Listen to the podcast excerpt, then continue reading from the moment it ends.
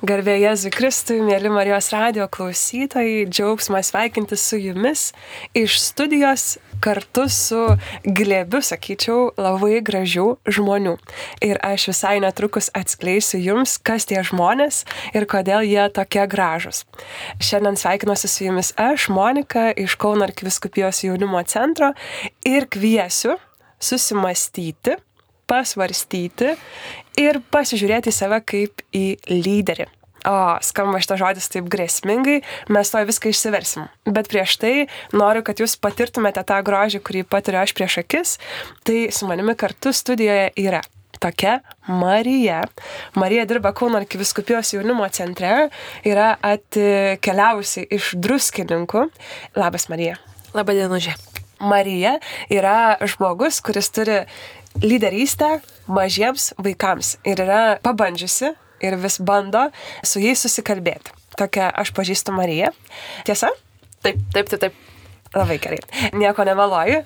Kitas žmogus studijoje yra irgi labai labai žavus. Aš kada nors jums parodysiu jų atvaizdus, tikrai, kad patikėtumėte. Tai yra Liepa. Liepa aš susitinku universitete Vytauto didžiojo, kur jinai studijuoja religijos pedagogiką. Tiesa? Taip, taip, sveiki. Taip, tai Liepa yra irgi apsisprendusi keliauti link e, pedagogo, ar ne, kelio šitos lyderystės, būti mokytoja. Ar tu gali praskleisti, kur kokio dalyko Taip, esu busima tikybos mokytoja. Taip, nes turbūt religijos pedagogika čia kažką ir sako. Taip. Labai išmintinga. Labas Liepa. Studijoje dar yra piligrimų centro darbuotojas Laurinas. Labas, Laurinai. Garbėjai Kristui. Per amžius savint.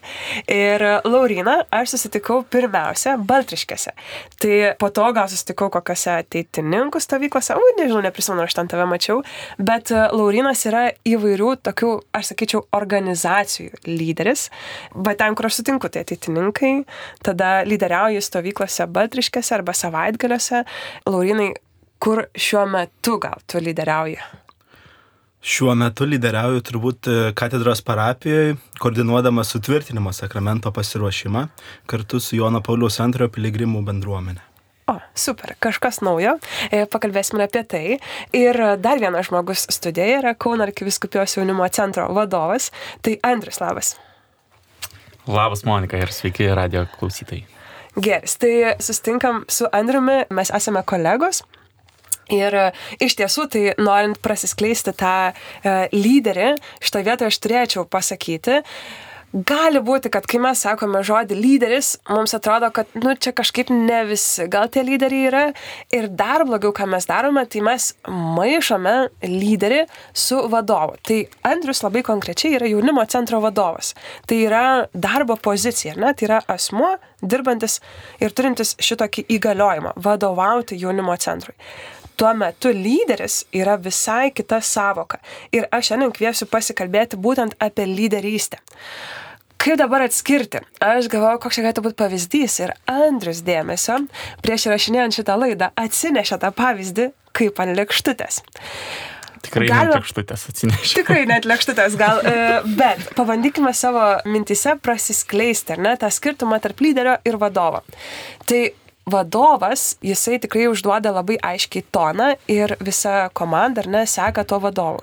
Ką reiškia sekti vadovu? Pavyzdžiui, mes galime apduoti jaunimo centro pavyzdį. Mūsų, pavyzdžiui, vadovas Andrius įlinkęs vėluoti. Visur vėluoja. Mes turim kur nors išeiti, ko nėra, vadovo Andrius. Visada. Nėra taip dažnai. Ir, pavyzdžiui, šiandien mes atidinėjome į laidą ir kas vėluoja, kas atina paskutinis. Ogi Andrius. Taip, teisingai. Ir kas nutinka tada su komanda, kurios, pavyzdžiui, vadovas vėluoja? Pasirodo, komanda irgi tampa staiga linkusi vėluoti su darbais ir visokiais e, įsipareigojimais. Tai kai mes vėluojam kur nors, taip yra dėl to, kad mūsų vadovas vėluoja, jis užduoda tokį toną. O kaip tada yra su lyderiu? Jeigu, pavyzdžiui, lyderis vėluotų, ar tada visi kiti irgi sektų juo? Čia klausimas. Jis tegu mums toks ir lieka, pažiūrėsime, kuo skiriasi lyderis ir vadovas. Didžiausias skirtumas galėtų būti, ir aš norėčiau nuo jo pradėti, po trupučiuką taip atsikabinkim tą lyderio apibrėžimą ir kas jis yra. Nes vadovas jis vadovauja. Mes priimam Andrių, jisai mūsų vadovas, mes negalime jo pastumti, ne, kažkaip pakeisti. Bet jeigu jis būtų tik tai mūsų lyderis, mes visai galėtume kvestionuoti, ar jisai turi būti mūsų lyderis ar ne. Ir pavyzdžiui, jeigu mums nepatiktų Andrius savybę vėluoti, mes galėtume turbūt klausti, ar toks lyderis tenkina mus. O dabar... Nevėluoti. O dabar vat, yra kažkokia keista ar ne situacija. Pabandykim pažiūrėti, kaip yra su lyderystė. Ir e, kviečiu dar nenurašyti savęs ir e, pasitikrinkim. Laurinai, kai aš sakau lyderis, koks pirmas žmogus iš pasaulio tau šauna mintise? Jonas Paulius II. Kodėl? Todėl, kad man atrodo, jisai buvo tarp žmonių. Man atrodo, kad lyderis turi būti tarp žmonių ir žmonių reikaluose. Ir man atrodo, kad jo dėka daug žmonių išjudėjo, daug žmonių išsilaisvino, daug žmonių darė įspūdingus dalykus dėl to, kad jisai turėjo lyderystę būti tarp žmonių ir įkvėpti juos. Tai man atrodo ir už Lietuvos laisvę, ir už kaimynų Lenkų laisvę, ir už dar daug laisvių turime dėkoti Jonui Pauliui II, kuris tikrai buvo lyderis ir įkvėpė įsilaisvinti iš įvairių jungų, tiek fizinių, tiek gal dvasinių. Geras, galvoju, kiek, kiek kitų galvose užsidegė Jonas Paulius II, kieno nusinešė lyderį Laurinas. Mano teigiamą lyderį nusinešė Laurinas, bet aš turiu neigiamą, galėsiu pasidalinti. Labai gerai, Mano irgi. Jo, aš pradžiai, e, mano pirma idėja irgi buvo Jonas Paulius II dėl irgi jo padarytų darbų ir kokią didelę įtaką jis yra padaręs. Nu net ir dabar, kai jis jau yra šventasis, ne, tai mes vis tiek apie jį mastom ir, ir jis va tokią įtaką turi, manau, kaip tikras lyderis. Gal net galima apsibriežti, kokią įtaką padarė Jonas Paulius II.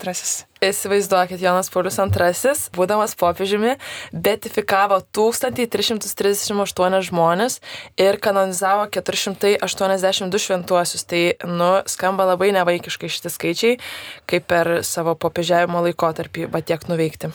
Ir dar galvoju, kad jeigu taip norėtųsi išversti į lietuvių kalbą tos žodžius beatifikavo ir kanonizavo, tai realiai galėtume dėti sakinį, kad Jonas Paulius II, radau tokį apibrėžimą, tapo Achilo kulnu Sovietų sąjungai, parodydamas, kad religija e, gali sugriauti, ne, tokias vat sąjungas, e, kurios tikrai neveda į tiesą ir į laisvę. Tai ir konkrečiais darbais tą darė. Čia tikrai paimam tokį pasaulio mastų lyderį. Liepa, gal tu turi kokį lietuvių tu vos va čia kažkur mastu lyderį savo galvoj.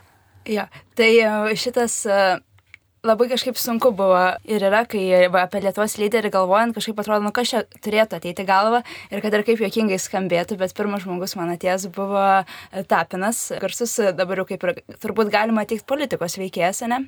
Tai va, tai jis buvo pirmas ir turbūt e, iš tiesų pradžiai galvojau iš neigiamas galbūt pusės, bet dabar prisiminus visus jo darbus dėl Ukrainos, tai manau jis yra įkvėpėjęs daugelio fondų, kurie atsidarė Ukrainos e, pagalbai.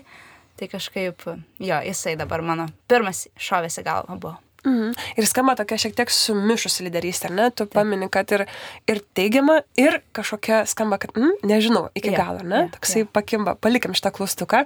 Andriu, ką tu turi iš Lietuvos e, lyderių galvoje?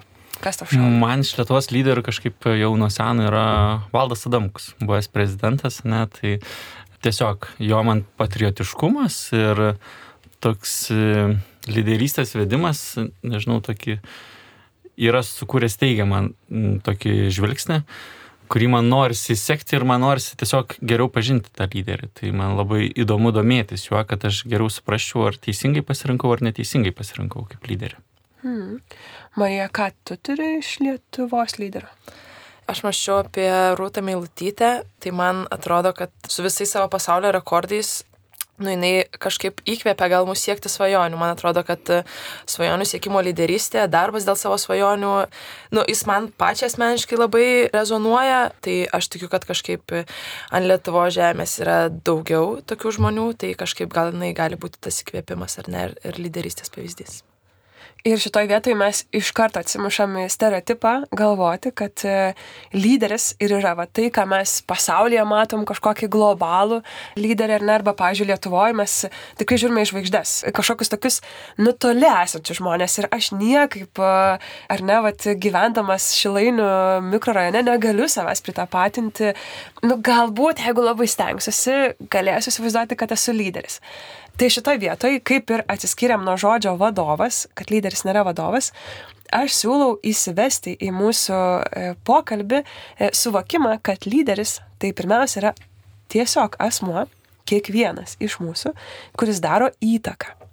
Mes toj patvirtinsim šitą sakinį, tik tai turime žinoti, kad mes kiekvienas darome įtaką, čia nėra ko ginčytis, tikrai darome įtaką ir darome arba teigiamą, arba neigiamą. Kaip mes darom įtaką? Jeigu jūs dar nepatikėjote, kad esate lyderiai, tai aš galiu duoti labai paprastą, elementarų pavyzdėlį. Kaip uh, pavyzdžiui, kaiminystė. Pabandykime įsivaizduoti daugia būti, penkia aukšti ir jūs karts nuo karto tikrai prasilenkiat su savo kaimynais. Dabar kviečiu pagalvoti, ką jūs darote, kai prasilenkinėjate su pažįstamų kaimynų. Greičiausiai visai paprasta yra pasisveikinti, taip esate įpratę, bet kai atsikrausto naujas žmogus į laiptinę arba ateina svečias, ką mes darome? Mes einam labai siauru taku. Realiai tarp penkių aukštų šiuo metu nėra kitų žmonių, tik tai mes dviese, nesusitinkam, prasilinkinėjom laiptinėje. Ką mes darom? žmogus galėtų pasirinkti sveikinti, sakyti laba diena. Mano kaimynai tuo tarpu labai retai atsako. Jie taip, nu, pasižiūri ir praeina. Mes labai retai kada sveikinamės, šiaip prasilenkdami. Bet e, lyderis yra žmogus, kuris galėtų, pavyzdžiui, kartoti pasveikinimą. Tai mano asmeninis pavyzdys buvo, aš su kaimynais e, dariau tokį eksperimentą su jais sveikinusi nuolatos. Ir pradžioje kaimynai tikrai praeina, jiems būna nejauku, kažkaip, nu mes esam neįpratę sveikintis. Antrą kartą, kai pasveikini, tas žmogus visai gal jau tikisi pasveikinimo, tai jisai bent jau pakelia galvą. Trečią kartą, kai pasveikini, tas žmogus jau žino, kad tikrai sveikinsiesi ir neretu atveju pasisveikina. Ketvirtą kartą jisai pats pirmas sako laba diena. Tai lyderis yra žmogus, kuris pabando daryti pokytį. Tai tokia įtaka, ar ne? Aš išverčiu tą žodį daryti įtaką. Pavyzdžiui, sveikintis laiptinėje. Ir įdomus procesas, nes kai mes prasilenkinėjom, nebūtinai laiptinėje, bet pavyzdžiui gatvėje, nežinau, išėjom pasivaikščioti, yra vėlus vakaras arba ankstus rytas, bet nėra daug žmonių. Ar mes kažkaip esam nežinau, nematome kitų žmonių ar ne, esame linkę vis tiek prasilenkti. Keistas dalykas, mes turime savo rankose įtaką pasisveikinti su žmonėmis, jiems šipsotis arba ignoruoti. Tai čia aš išverčiu, ką reiškia žmogus, kuris daro įtaką kitiems. Todėl dabar būtų visai sveika pereidinėti pasitvirtinti, ar tikrai lyderis yra kiekvienas iš mūsų, ar mes savo aplinkoje matome paprastų kabutėse žmonių, kurie daro įtaką dabar galbūt jūs turite pavyzdžių ne tokių pasaulietinių žvaigždžių, kad e, mūsų klausytojai galėtų irgi save pritapatinti prie lyderio. Tai e, Liepa, gal tu turi kokią nors savo kasdienybį žmogų, kuris daro tau įtaką? Tai tas kasdienybį darantis žmogus iš tiesų turbūt yra mano sesė. Nes, nu, jinai yra trejais metais už mane jaunesnė, bet jinai man daro labai didelę įtaką drąsa savo Nes e, nežinau, kiek e, klausytojų ir kiek šiaip žmonių turi šitą savybę, kad, nu, mėgsta taip nutilėti tą tokią galbūt kartais skaudžią tiesą, nu, tokį pataikavimą. Iš jos, jinai man yra lyderis šitoje pozicijoje, nes jinai mane skatina nedaryti to, nes tai nėra geras dalykas, jeigu dar kažkas nežinojot. Tai, o mano sesė yra labai atviras žmogus, labai tiesmukiškas žmogus, bet jinai tai daro su meile tai jinai man yra šitoj vietoj lyderis ir daro man įtaką savo veiksmais, kuomet aš matau, kai jinai sugeba pasakyti tiesą su meile. Ir tuomet aš tokia, o, tai reiškia, ir aš galiu panašiai elgtis, aš galiu mokintis iš jos taip elgtis. Tai man kažkaip šitoj vietoj turbūt mano sesė yra toksai man lyderis, kuris mane mokina tas tokias tam tikras savybės ugdytis ir rodo pavyzdį, kaip tai reikia daryti. Geras, mes ką tik nusileidome ne tik į kasdienybę mūsų aplinkinius, bet dar netgi jaunesnis žmogus gali būti lyderis, ne? gali daryti įtaką. Laurinai, kokį tu turi savo aplinkoje? Žemišką pavyzdį. Aš labai ilgai ruošiausi šitam klausimui, nes pirmas variantas atėjo ir ta galvojau, kad gal per banalu sakyti jį ir bandžiau įsisukti, bet niekaip neįsisukau. Tai mano dabar turbūt šios, šios kasdienybės, šių savaičių lyderis yra Mantas Kuraitis, mano vadovas ir Jono Pauliaus antrųjų piligrimų bendruomenės vadovas. Taip banaliai. Bet, Oi, ne, ne banaliai. Tu jį sutinki kiekvieną dieną? Taip, aš jį sutinku kiekvieną dieną. Kokios savybės jame tave, nu, vat, įkvepia arba daro įtaką? Net tu... nesakau teigiamas ar neigiamas. Visų pirma, turbūt atsidavimas ir tarnystė Nes tu matai, kad žmogus atsiduoda. Ir man atrodo, čia tas yra, kad kartais atrodo, kad lyderystė yra tik kažkoks pozityvas, tik garbė, tik iškelimas, bet aš jame matau, kad lyderystė visų pirma yra tarnystė. Visų pirma yra išklausimas, yra atliepimas kito žmogaus ir komandos vedimas į priekį. būdamas šalia manto, aš matau, kiek tai kainuoja jėgų ir kokios tai aukos reikalauja, bet kartu matau, kad mantas atrodo yra pašauktas lyderystės. Jis tikrai turi tokių savybių, kurios kurios, nežinau, atrodo Dievo duotas, jis turi Dievo talentus, kuriuos tikrai išnaudoja tai lyderystėje. Geras, dar į mūsų pokalbį įkrenta ne tik Liepos įvardintas, kad jaunesnis žmogus gali būti, bet dabar naujas blokas, kad tas žmogus yra pašauktas būti lyderiu. Tai gal vis dėlto klaustukas, ar aš čia pats galiu būti lyderis, ar esu, gal nesu pašauktas. Įdomus šitas klaustukas, Marija, kaip tavo kasdienybė. Na, aš čia biškai gal dabar nepataikysiu į temą, nes netokia ir kasdienybė čia dabar. Man tai buvo kasdienybė, tas žmogus prieš metus, tai buvo kasdienybė, bet e, gal aš tai norėčiau paminėti e, mūsų buvusią jaunimo centro vadovę, tai Agne Nazarenko ir jos savybės e, lyderiavimo. Jis irgi tikrai buvo, kaip sakant, apsigimus lyderė, man atrodo, visai tokia kaip mantas, jai tiesiog duota, man atrodo, buvo lyderiauti. Ir kas man tarsi leidžia manyti, kad jinai lyderė, kokios savybės, tai, tai būtent tai, kad e, jinai, man atrodo, nuostabiai mokėjo klausytis kito, man atrodo, kad jinai gebėdavo e, labai konkrečiai ateiti iki žmogaus, e, kažkaip jį gebėt prakalbint man, pavyzdžiui, dar nuostabios savybė, kurios aš tikrai neturiu ir labai norėčiau mokytis. Tai, pavyzdžiui, kad jinai mums sakydavo, kad jinai negeba būti vienoje patalpoje su kitu žmogum susipykus, ar ne? Kas reiškia, kad tu, nu, va, turi tokią širdį savo nuostatą, kad aš ne, nenoriu būti šitam konflikte, nenoriu būti šito įtampoje, ar ne, vadinasi, aš visada einu į kitą. Pirmą žengiu tą žingsnį, ne, kas yra šiaip, nu, labai sunku ir daug kitų savybių jinai puikiai net išvažiavusi, ar ne, mums liudija apie savo drąsą, apie svajonės, apie nu, tokį kažkokį išlipimą iš komforto zonos. Tai man tai yra apie lyderystę. Taip. Ir panašu, kad apie teigiamą lyderystę, ar ne, turigi išvardinti puokštę, ar ne, e, e, kompleksą savybių. E, ir viena, kuri man irgi tai praskambėjo, tai negebėjimas būti susipykus, ar ne, tai yra nesi apsisprendimas atsakomybė tokia prisimta eiti ir spręsti iššūkį. Šitą pasižymėkime irgi.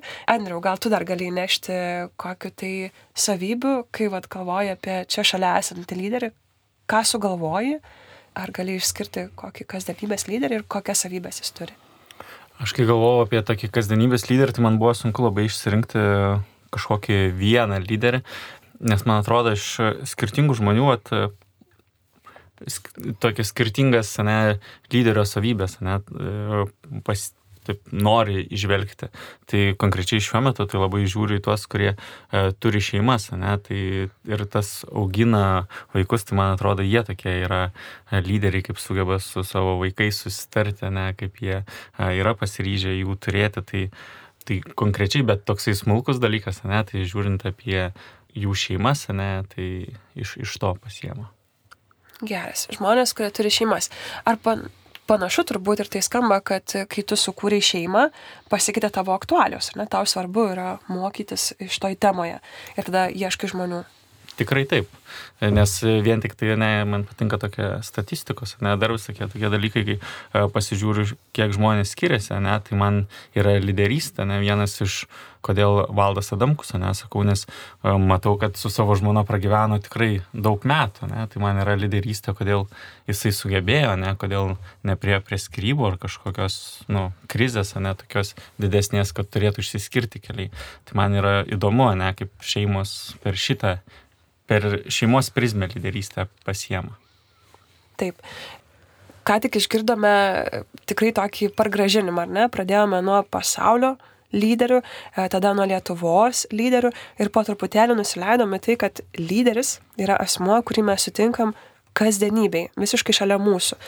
Kol kas tik tai vis tiek e, mes kalbam apie žmonės, kurie yra vadovais. Dažnu atveju prisėmė tokią atsakomybę. Gal Liepos sesė Saulė dar nėra vadovė, bet nežinau, ar nepretenduoja. Mm, vis tiek mūsų sąmoniai kol kas gali tvirtai laikytis toks įvaizdis, kad kai sakau žodį lyderis, tai jis būtinai turi būti kažkoks, nu, truputį keliais centimetrais aukščiau už mane, už žmogų, kuris, na, nesu prisėmęs atsakomybės. Tai aš dar norėčiau vis tiek leistis ir pabandyti numesti visus mūsų įsivaizdavimus e, ir parodyti kiekvienam iš mūsų, kiekvienam klausytojui, kad mes tikrai, tikrai kiekvienas darome įtaką. Ir e, įdomu, toks pavyzdys gal atsispindėjo, kai Andrius sako, kad ieško lyderių, kurie vienaip ar kitaip sprendžia klausimus šeimoje. Aš turiu tokį pavyzdį, kurį e, visai neseniai girdėjau diskusiją e, šeimoje dėl mobilaus telefono. Kaip pavyzdžiui, kartais žmonės, ar ne, vat, atsiriamia į tai, kad e, Tėtis sako, aš vakare skaitau Dievo žodį iš mobilaus telefono, nes mobiliajame telefone yra labai patogi aplikacija, yra liturginės valandos, aš galiu melstis, aš žiūriu telefoną ir melžiuosi. Ir mano vaikai tada sako, dėmesio, tėtis mobiliakė, ar ne, aš aiškiai matau, kad jisai kažką ten veikia. Ir aš, ar ne, būdamas vaikas, nežinau, kad mano tėtis tuo metu meldžiasi, nes yra patogi aplikacija. Aš tiesiog iškart sakau, aš irgi noriu mobilaus. Ir tas tėtis šeimoje, jisai sako, pas mus namuose yra ribotas laikas mobiliųjų telefonų. Ir vaikai vakare jau negali įsijungti ekraną, ne, įsijungti telefoną. O aš pats savo sėdžiu ir ramę sąžinę melžiuosi, nes taigi aš turiu, ar ne, aišku, aiškiai žinia, aš melžiuosi, nieko blogo nedarau su to telefonu, aš ten nežaidžiu žaidimėlių. O vaikai tuo tarpu jie visiškai nežino, kad tėtis medžiasi ir tiesiog pavydį ir nori, ar ne, irgi sąžiningai turėti laiko telefone. Tai šitoj vietoj tarsi jau skambėtų konfliktas, kol tėtis nesiema, ar ne, lyderystės ir nepasako dėmesio šituo metu aš melžiuosi ir dėl to man reikalingas ir naudingas mobilusis telefonas.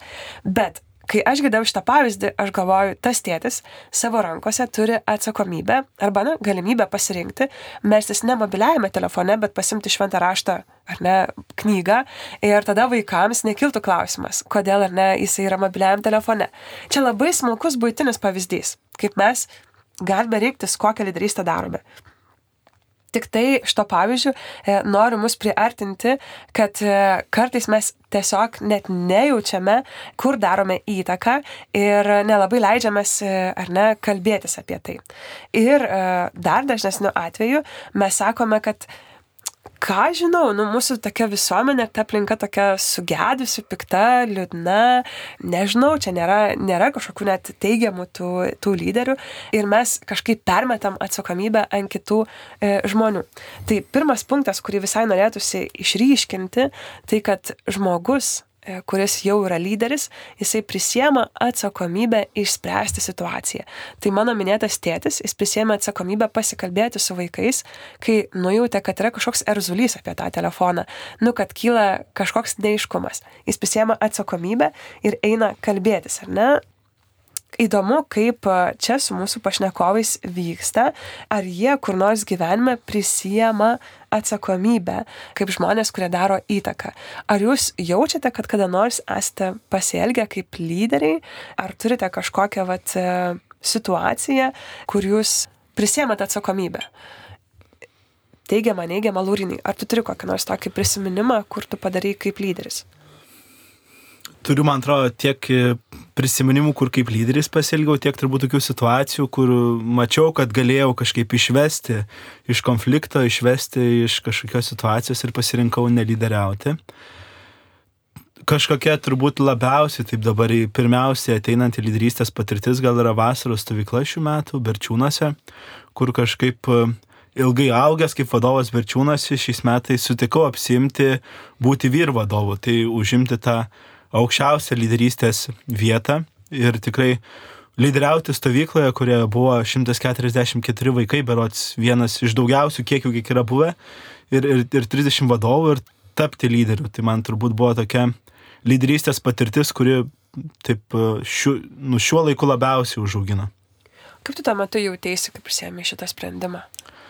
Suprantu, kad dvėjojai pradžioje, ar ne? Ar mm, dvėjojau. Buvo daug dviejonių, jaučiau, kad uh, jaučiau, kad e, nesu tinkamas žmogus. Ilgai galvojau, kad, e, kad aš visada važiavau, važiavau į Berčiūnus mokytis. Aš tikrai visada jaučiausi, jog esu va, tas dar jaunesnis vadovas, tas jaunesnis, kur mokosi, kur, nežinau, daugiau juokauja negu kažką lyderiauja. Ir net nepajutau, kaip kažkaip užaugau ir nebeturėjau teisės jau daugiau mokytis, nes jau aštuoni metai ir sako, Laurinai, tu jau esi lyderis. Tu jau nebegali kažkaip e, pasislėpti už kitų ir buvo turbūt pats didžiausias sukretimas, kad aš buvau ne tik pareigomis, bet ir amžiumi lyderis. Tai buvo turbūt e, toks sun, sunkus supratimas prieš stovyklą ir jaučiau, kad net Dievas atrodo atsitraukia, sako, o ne, Laurinai, tau tikrai nepavyks. Tai buvo tokie jausmai prieš, prieš tą tarnystę, bet galiausiai viskas baigėsi gražiai ir gerai ir kažkaip jaučiu, kad labai daug išmokau per, per šią patirtį. Geras. Aš čia bandau visus įtikinti, kad kiekvienas esam lyderis, nes darome net būtiškose dalykuose įtaką, ar ne, sveikintis, kalbėti, spręsti konfliktus. Čia visur yra įtaka ir čia visur yra lyderiavimas. Bet čia dar Laurinas, ar ne, įkelia tokį naują momentą, kad uh, dar kartais atrodo, kad nesu, nu, bet nes, nu, kažkaip gal ne man tas lyderiavimas, nu, kažkaip čia, kad reikia prieaukti, būti pakviestam. Tai įdomu, kad mes tikrai baidomės prisimti atsakomybę ir, ir tikrai tas lyderis skamba kažkaip baubūniškai, siaubūniškai. Įdomu, Liepa, ar tu esi kur nors mat lyderiausi? Man dabar, kai tu kalbė, tai visiškai supratau, kad aš irgi esu tas žmogus, kuris galvoja apie lyderį kaip kažką tokį wow, e, kažką, kas, kas aš dar būt, galbūt dar nebuvau, šiemet apsimtos pareigos jau e, nesivedu sutvirtinimo ir pirmą komuniją, nu, rašymą sakramentams, tai jau e, teko tapti lyderę, bet tikrai ilgą laiką aš labai bėgau nuo šitos atsakomybės. Man aplinkiniai žmonės, va irgi įvairios stovyklos, rekolekcijos, nesusitikimai, vis sakydavo, kad, na, va, tu gali kažką padaryti. Aš tikrai labai bijojau tos atsakomybės, bijojau, kad ant mano pečių kažkas gulės ir kad aš turėsiu būti tas žmogus, kuris prieima tą galutinį kažkokį sprendimą. Ir man tai būdavo, nu, labai baisu ir tikrai bijodavau, kad sugadinsiu kažką.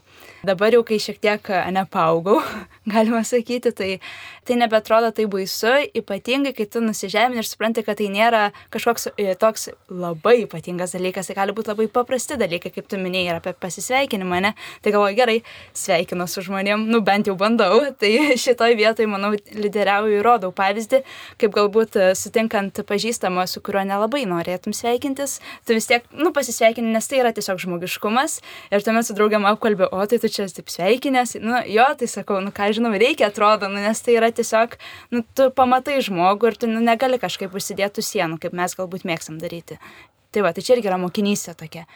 Tai e, bandau turbūt dabar mintise sugalvoti pavyzdžių, kai tokių labiau nežemiškų, o ne apie kažkokias naujas pareigas ar apie kažkokią naują, naują tarnystę, ne, kurią gaunu ir apsiemu, kuriuose tu esi priverstas būti lyderiu, bet to pačiu e, lyderiauju ir tose kasdieninėse dalykuose.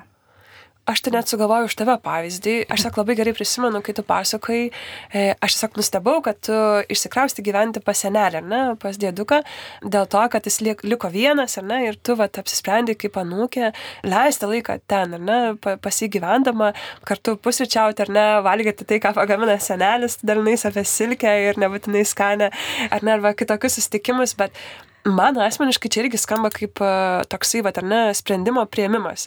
Dėmesio, ar ne, senelis yra vienišas, kažkas gali, galėjote sakyti, ar ne, mama, čia tu, tu, tu žinai, atsakinga tėti, čia tu atsakingas, ar ne, bet tu, tu kaip anūkė irgi labai gražiai prisėmė atsakomybę. Tai aš net čia dar drąsiai sakyčiau, čia irgi yra lyderystė, ne tik eiti vesti pirmos komunijos vaikus, ar ne, prie sakramento, link sakramento, ar sutvirtinamosius, bet namuose apsispręsti išeiti, ar ne, bet man toks irgi labai gražus kasdieniškas pavyzdys, toks, toks įkvėpimas. Man vis dar labai norisi nu, nužeminti tą, ne tai, kad pažeminti lyderį, bet nužeminti, kad tai yra visiška mūsų kasdienybė ir mes tikrai renkamės. Ir įdomu, kad uh, Liepa čia pasakė labai gerą raktinį žodį, lyderiai priima galutinius sprendimus mes taip iš tiesų esame įpratę, kad žmonės, kurie lyderiauja, jie mums pasako, kaip judėti toliau. Nes jie tikrai yra žmonės, kurie duoda pavyzdžius. Tai kai Andrius vėluoja, mes priemam tai kaip pavyzdį ir e, sekam. Čia toks neigiamas pavyzdys, nes lyderis nebūtinai daro teigiamą įtaką. Bet sakai, kad Andrius nėra lyderis.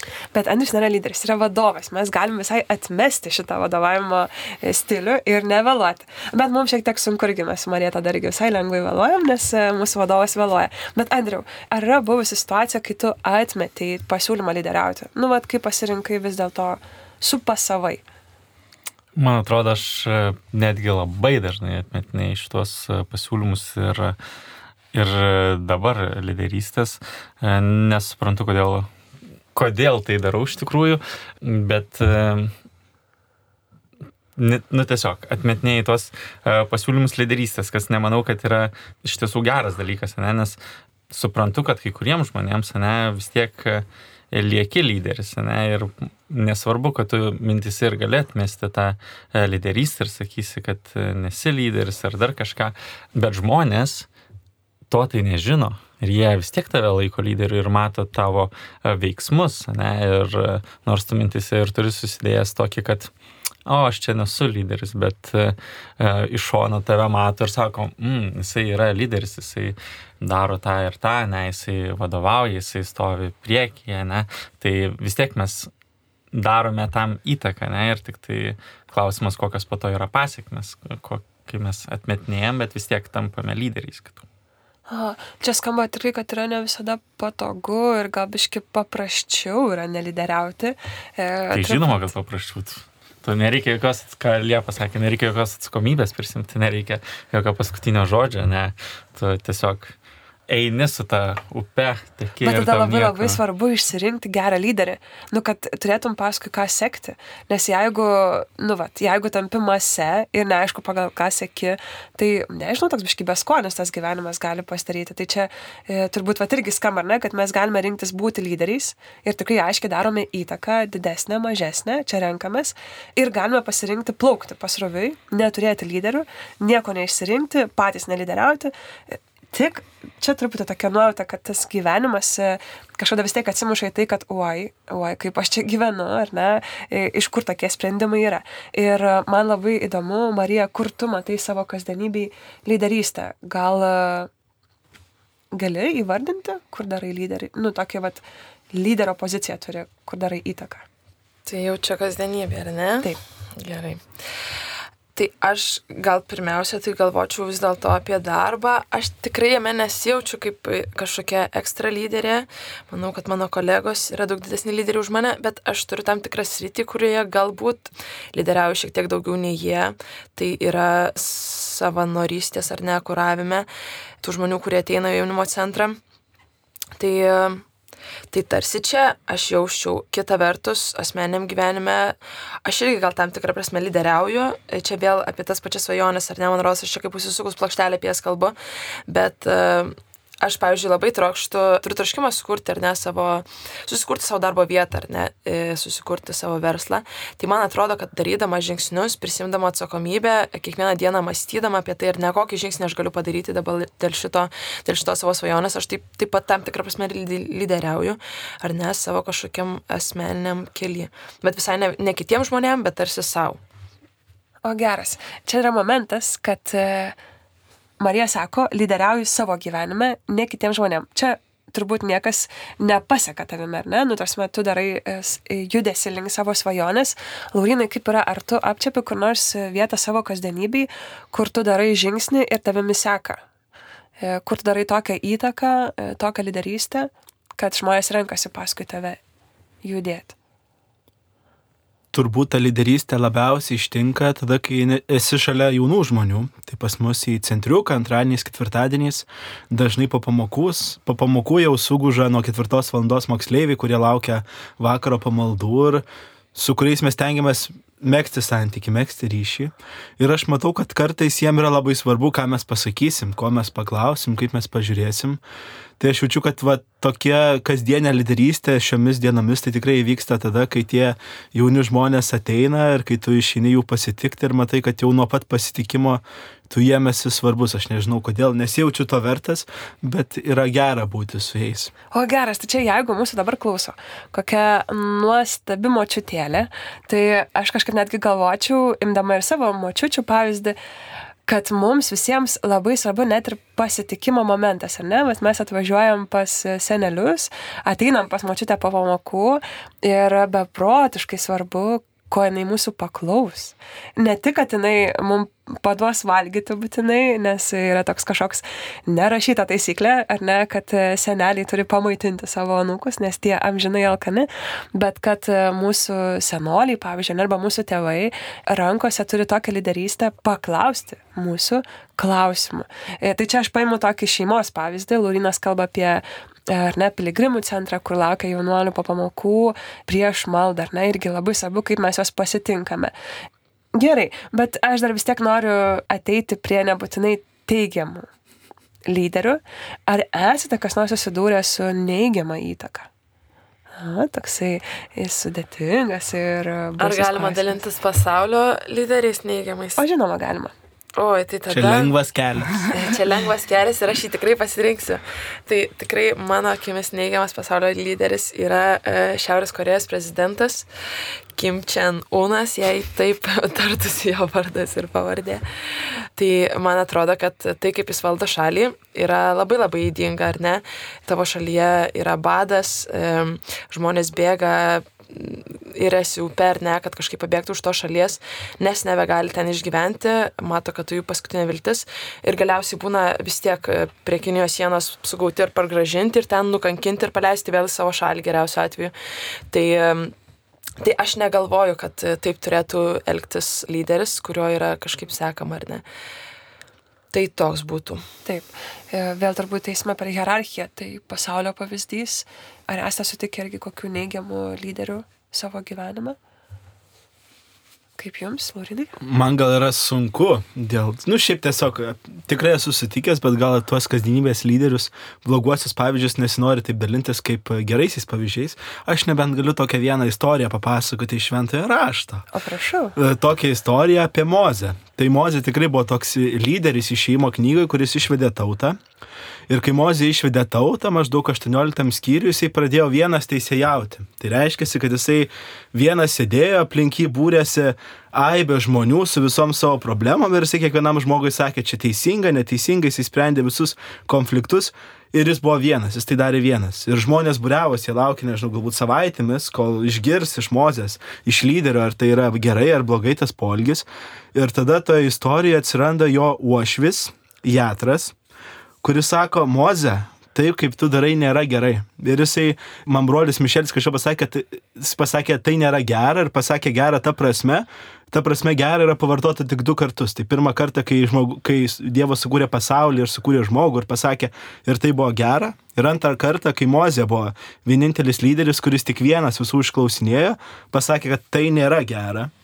Ir tada tas uošvis davė jam keletą patarimų. Ir vienas iš šių patarimų buvo, sako, jeigu tu taip sėdėsi tik vienas prisim šitą atsakomybę, šitą lyderystę, išklausyti jų, tai ir tu pavargsi, ir tu išvarginsi savo tautą. Ir jisai sako, tu geriau mokyk juos, mokyk juos, kad jie patys galėtų suprasti, kuriuo keliu jie eiti ir kaip jie elgtis. Tai reiškia, kad jis pasakė, įgalink juos, nebūk vienas. Nebūk vienas visažinis, bet įgalink kitus priimti sprendimus.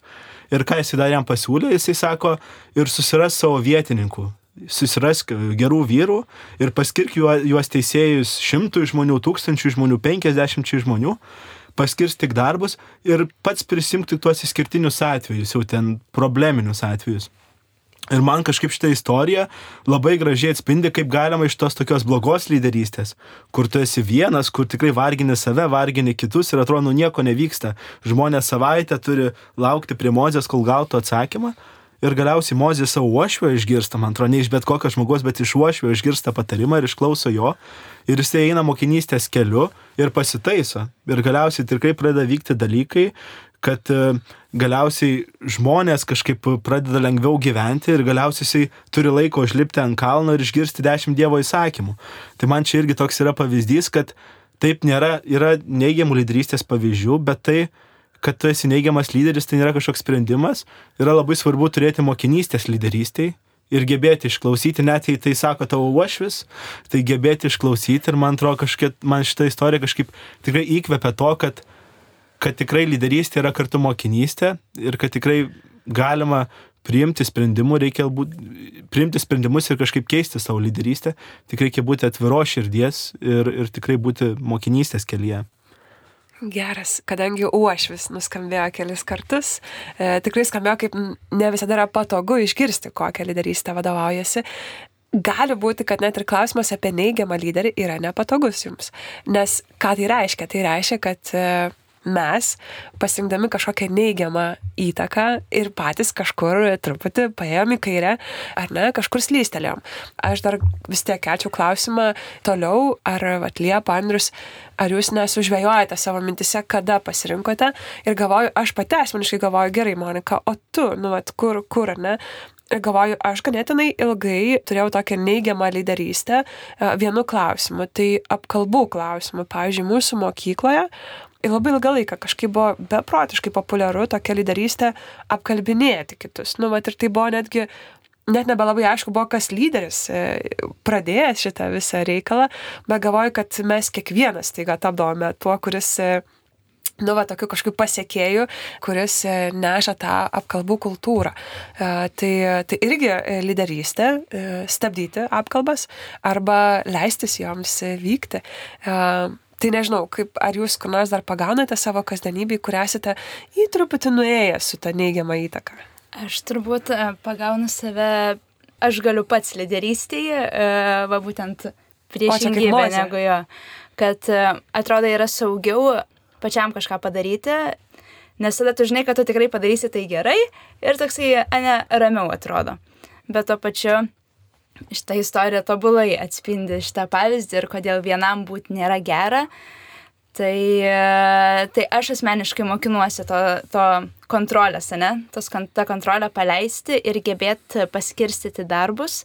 Tai yra mokinystė, e, ir, bet labai ugdanti. Ir man atrodo, jinai tiesiog atneša E, labai daug gražių dalykų, tai iš tos neigiamos e, perspektyvos, ne kad aš noriu viską pati padaryti, dėka tikėjimo, dėka to kažkokio mąstymo, aš galiu ją perdėti ir mokinystės dėka į tą tokią teigiamą lyderystę, nes tuomet aš mokinuosi skirstyti darbus, o per darbų skirstimą, manau, ateina labai gražių dalykų, nes išsiugdo kiti žmonės, kurie gali toliau perimti tam tikras atsakomybės. Tai toksai labai platus ratas su labai gražia pabaiga. Jeigu esi drasus mokytis ir turi atvirą širdį keistis.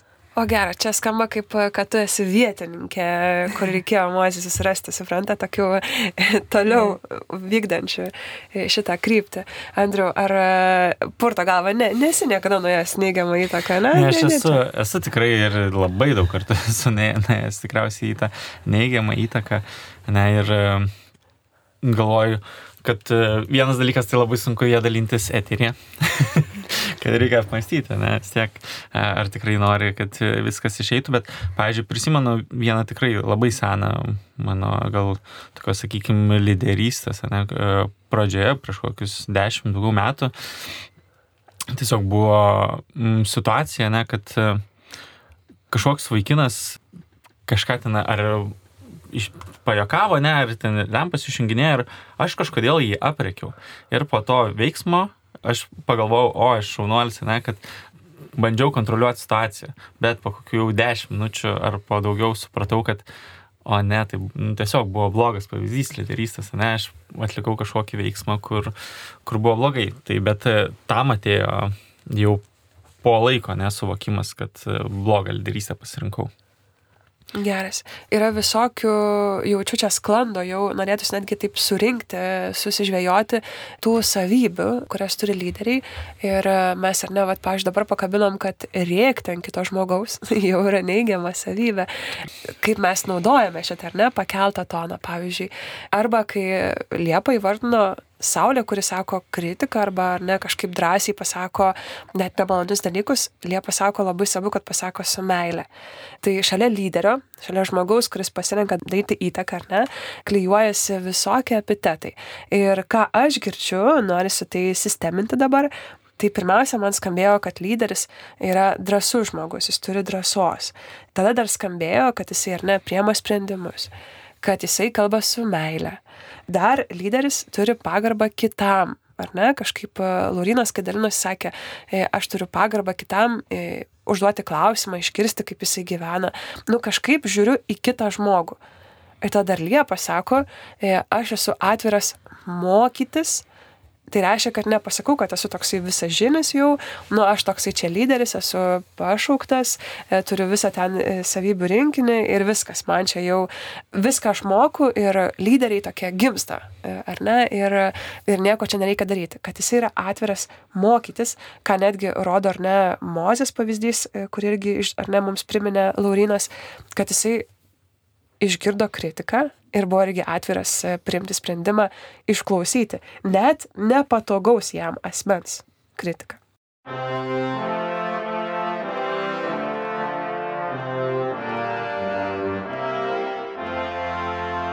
Čia Marijos radijas.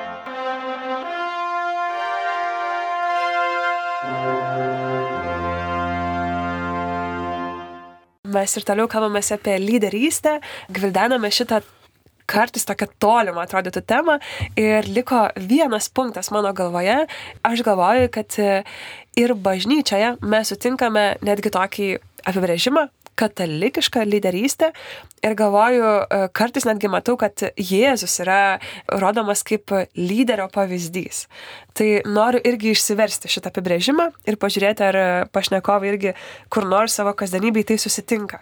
Tai ar buvimas tuo krikščionišku lyderiu čia iš viso kažką reiškia, ar tikrai tai kažkuo skiriasi, iš su kuo tai yra valgoma. Laurinai, ar tu esi patyręs, kad krikščioniška lyderystė kažkuo čia ypatinga? Kažkaip tavo klausimas mane iš karto nunešė į vaikų vasaros stovyklą, kurią darėm su piligrimų centru. Mes kalbėjom apie rožinius liepinius ir trečiadienį kalbėjom apie trečią rožinių slėpinį Jėzaus karūnavimą ir škiečiais. Ir tos dienos tema buvo karaliauti, tai visų pirma tarnauti ir kalbėjom apie tą lyderystę, kurią mums atneša Jėzus. Tai reiškia, kad Jėzus yra šio pasaulio karalius ir ne tik šio pasaulio karalius, kuris ateina su nendrė savo rankoje, su irškiečių vainiku ant galvos ir ateina atsiduoti mums. Jis ateina tarnauti, ateina plauti kojas, ateina aukotis už mus. Jis tikrai net joja, nežinau, su karieta, net su raudonu kilimu ir neturi aukso karūnos, neturi brangakmenių, bet jo karūna tai yra kraujas išlietas už kiekvieną iš mūsų ir, ir man tai labai kalba, kad krikščioniška lyderystė tai yra pasiaukojimas dėl žmogaus. Kad man atrodo, ką mes irgi stovyklai, ką mes tengiamės daryti, įkvėpti tos Jėzaus lyderystės, suprasti, kad nėra svarbu programa, bet svarbiausia yra žmogus. Neaukoti žmogaus dėl programos. Ir man atrodo, tai yra lyderystė, kurią kviečia Jėzus, tai neaukoti žmogaus dėl kažko, bet lyderiauti taip, kad žmogui būtų gera kad žmogus nebūtų paukotas, bet būti lyderiu dėl kiekvieno iš mūsų, ne dėl kažkokios situacijos, ne dėl kažkokio sprendimo, nežinau, ne dėl kažkokios geresnės programos vakaro ar panašiai. Geras. Skamba, kad lyderystė lygų tarnystė kitam, ar ne? Čia krikščioniškas lyderis jau atsineša tokį konkretesnį, siauresnį apibrėžimą. Liepar tu esi kažkur sutikusi, va irgi tas kirstymą arba šiaip, kiek tau artimas yra krikščioniškas lyderystės apibrėžimas? Aš kažkaip apskritai e, gyvenu su tokiu mąstymu, kad mes kaip krikščionis turim šiek tiek aukštesnius standartus negu įprasti žmonės.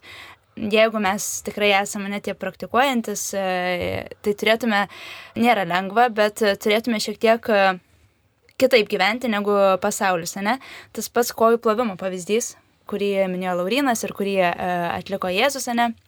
Nežinau, kiek pasaulio lyderių e, padarytų tokį veiksmą, nes tai yra begalinio nuolankumo ir to meilės parodymo kitam veiksmas, kur tu truputį turi save susimažinti, bet to pačiu Dievas tavęs nenužemina, o tame susimažinime tave pakelia.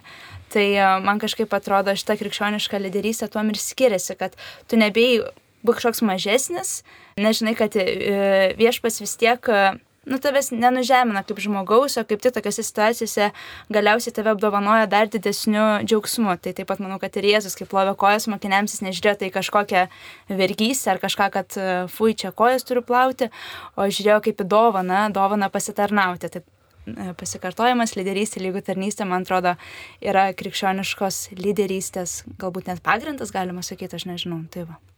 Geras, labai įdomu, kai pradžioje klausiau jūs apie pasaulio lyderį, ar net toks praskambėjo pats pirmas, tai šventasis Jonas Paulius II. Ir įdomu, kad jisai paskutinėje savo maldoje e, prieš taigę mirtį, sekmadienį, e, jisai sakė pasauliui tokius žodžius, kurie po to tapo tikrai ten ir ant marškinėlių klyjuojami tie žodžiai ir tokia kliše užsikrėskite gerumu.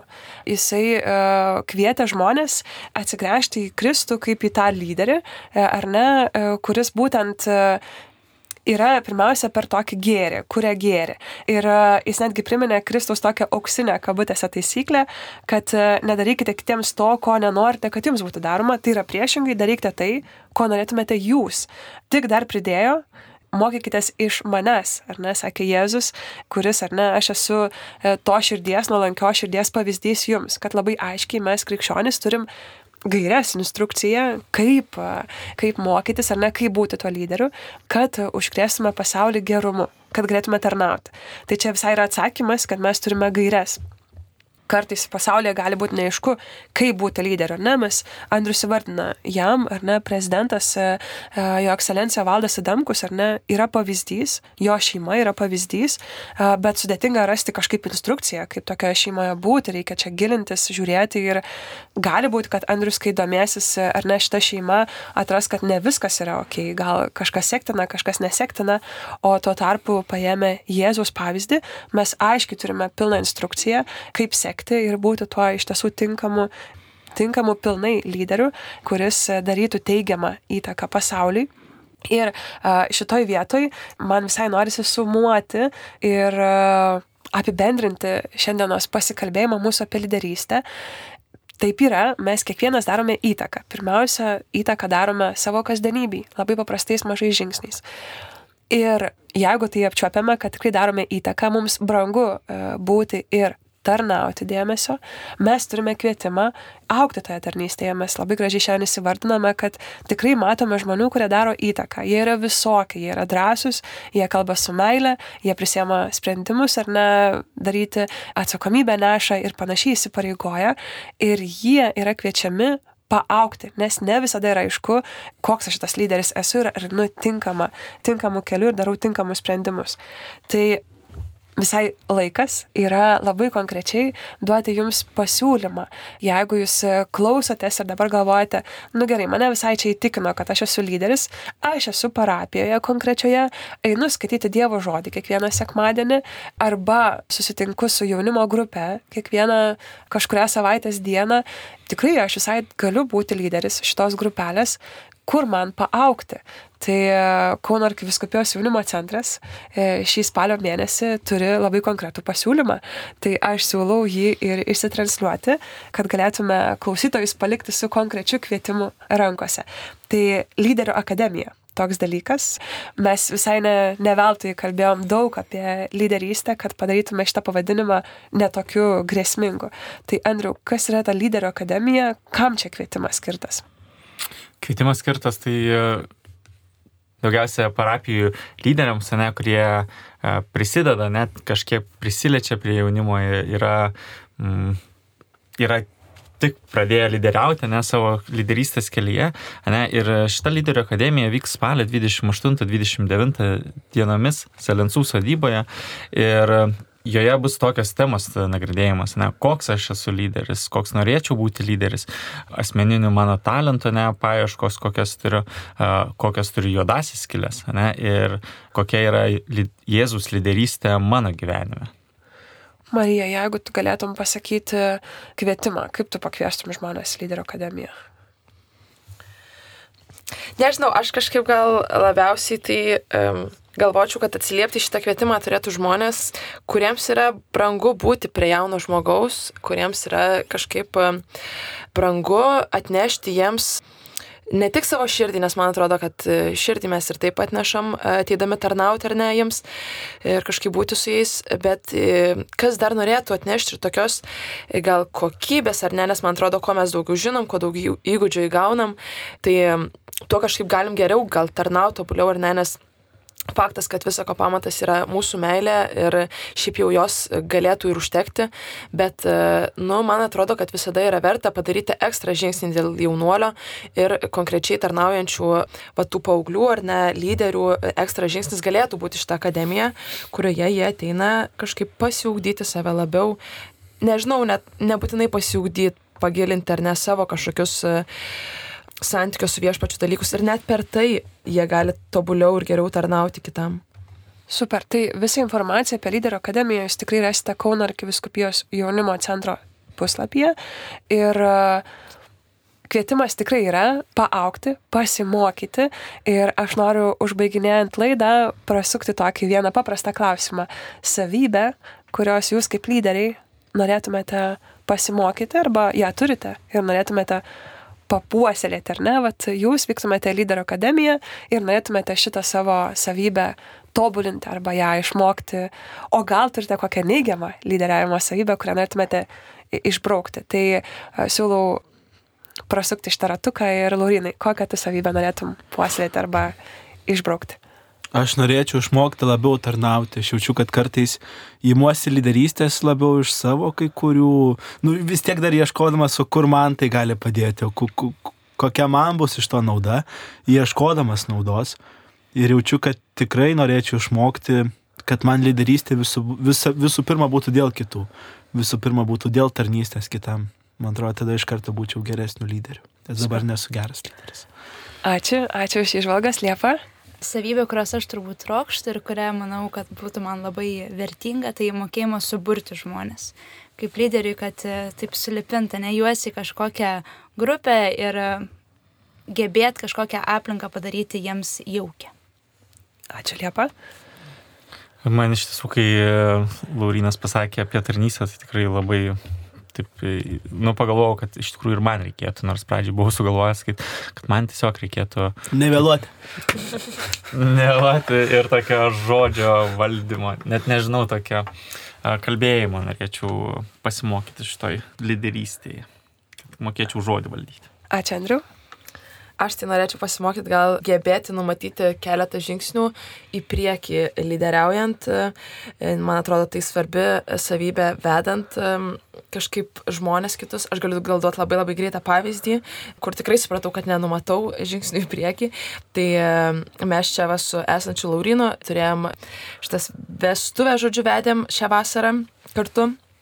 Ir, ir aš tikrai labai aiškiai pamačiau, ar ne, kaip Laurinas sugeba numatyti žingsnius kažkokius į priekį ir kito tarpu mane net neteina į mintį, ar ne, numatyti, apgalvoti tų dalykų, kurie privalo būti apgalvoti, ar ne, jeigu mes norim, kad procesas kažkaip vyktų sklandus. Ir to daug matau ir Andriuje, nu tiesiog, ar ne, žmonėse, kurie labai konkrečiai vadovauja tam tikriems procesams. Ir man kartais labai pritrūksta šito. Tai labai labai norėčiau išmokti. Super. Aš tikiu, kad jūs, mėly klausytojai, dabar turite daug medžiagos pagalvojimui. Tikrai mano galvoje irgi sukasi gražios inspiracijos, galvojant apie kasdieninę lyderystę ir tai, kad galime tikrai mokytis ir nesipurtyti šito vaidmens, nuo mažų dalykų. Tai sėkmės jums sveikinantis su kaimynais arba kitais praeiviais gatvėje, jiems bent jau nusišypsant ir iš tiesų puoselėjant lyderystės kultūrą čia Lietuvoje, o ypatingai katalikišką lyderystę. Garbė Jėzui Kristui.